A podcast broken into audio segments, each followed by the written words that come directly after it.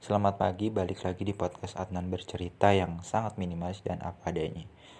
Kemarin aku habis nonton drama Korea One Dollar Lawyer episode 12, episode terakhir. Itu seru banget dan mengharukan. Mungkin kalian yang udah nonton bisa denger podcastku juga atau yang belum nonton bisa segera nonton ya kalau ada waktu.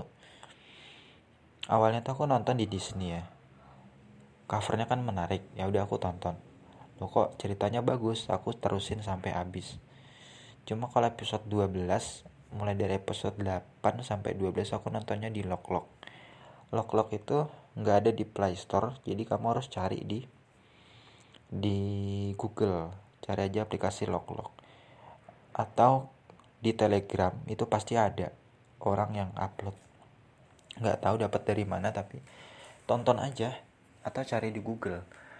Drama Korea kan sekarang banyak banget ya tersebar. Nggak harus langganan Disney nggak harus langganan Netflix kita masih bisa kok nonton. Tapi ya harus pinter-pinter nyari. Itu bagus ceritanya One Dollar Lawyer. Chon Ji Hoon ya tokoh utamanya kalau nggak salah. Itu kan dia punya kekasih lah istilahnya. Dia belum nikah hampir menikah sama aku lupa nama perempuannya. Pokoknya perempuan. Jadi aku coba mundur ke belakang sedikit ya. Chon Ji Hyun ini kan dulunya jaksa. Dia orang yang kaku yang serius banget. Susah senyum jarang senyum. Terus dia ketemu dalam suatu kasus di mana kasusnya seorang pengusaha yang semacam korupsi lah Nah terus si pengusaha ini punya pengacara si perempuan itu yang akan menyukai si Chon Ji Hoon ini. Pengacara ketemu sama jaksa. Nah karena mereka sering ketemu, mereka jadi akrab. Terus si Chon Ji Hoon ini mulai luluh lah hatinya, mulai terbuka hatinya. Hingga suatu saat uh, apa ya, Chon Ji Hoon ini mengurus satu perkara tentang ayahnya. Sebenarnya kasusnya itu menyangkut ayahnya tapi si ayahnya ini nggak jahat gitu. Cuma terlibat aja. Nggak sengaja terlibat tentang kasus pencucian uang.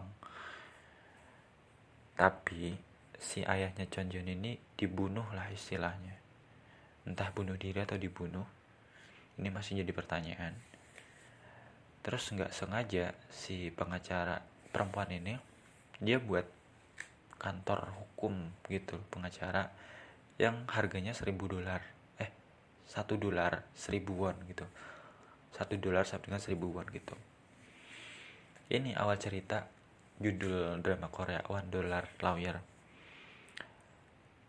Nah ketika si pengacara perempuan ini udah dapat surat izin usahanya ketuker ternyata berkasnya sama dokumen rahasia tentang kasus yang diurus John Jun ini mulailah tragedi. Uh, aku lupa siapa yang bunuh. Pokoknya ada orang bunuh si perempuan ini di kereta. Padahal saat itu dia lagi menemukan Chon Ji Hoon. Chon Ji Hoon sakit hati kan? Dan dia berjanji untuk menyelesaikan perkara itu. Si perempuan mati akhirnya si Chon Ji Hoon ini nerusin kantor hukumnya yang satu dolar itu. Lambat laun hingga akhirnya ketemu di episode 12 nah episode 12 ini mulai ketemu nih jalan ceritanya. Endingnya adalah Cho Hyun ini jadi jaksa khusus yang menyelesaikan kasus menyangkut pencucian uang tadi yang menyangkut ayahnya. Gitu aja. Dan seru sih penyelesaiannya tak terduga. Aku mikir kalau cara begitu bisa diterapkan di kehidupan nyata maksudnya kasus-kasus hukum di dunia atau kasus hukum di Indonesia bisa diselesaikan dengan cara seindah itu mungkin hukum Indonesia akan lebih baik ya citranya. Tapi realita lebih pahit tentunya itu kan cuma film bisa direkayasa tapi kalau di kenyataan tentu akan lebih rumit. Ya pada akhirnya itu akan terungkap. Pada akhirnya ini motivasi buat kita ya. Dunia ini emang jahat. Kamu pasti tahu realita ini sangat menyakitkan.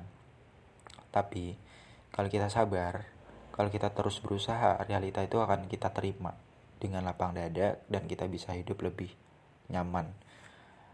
Sesakit apa pun realita selama hati kita kuat kita pasti bisa hidup dengan baik hidup dengan normal. Sekalipun banyak penjahat di negeri ini lama kelamaan muka mereka akan tercoreng kok. Kejahatan mereka akan terungkap. Ya nggak? Kasus Ferdi Sambo gitu. Itu kan sebentar lagi juga akan ketahuan sebenarnya apa sih yang terjadi. Kau berbulan-bulan nggak terungkap-ungkap gitu. Jadi tenang aja orang yang jahat pasti akan diadili kok. Cepat atau lambat. Orang yang narkoba orang makin narkoba satu tahun nggak ketahuan 10 tahun nggak ketahuan. Suatu saat akan ketahuan kok. Dan orang baik suatu saat akan dapat balasannya. Tapi sabar aja gak sekarang gitu loh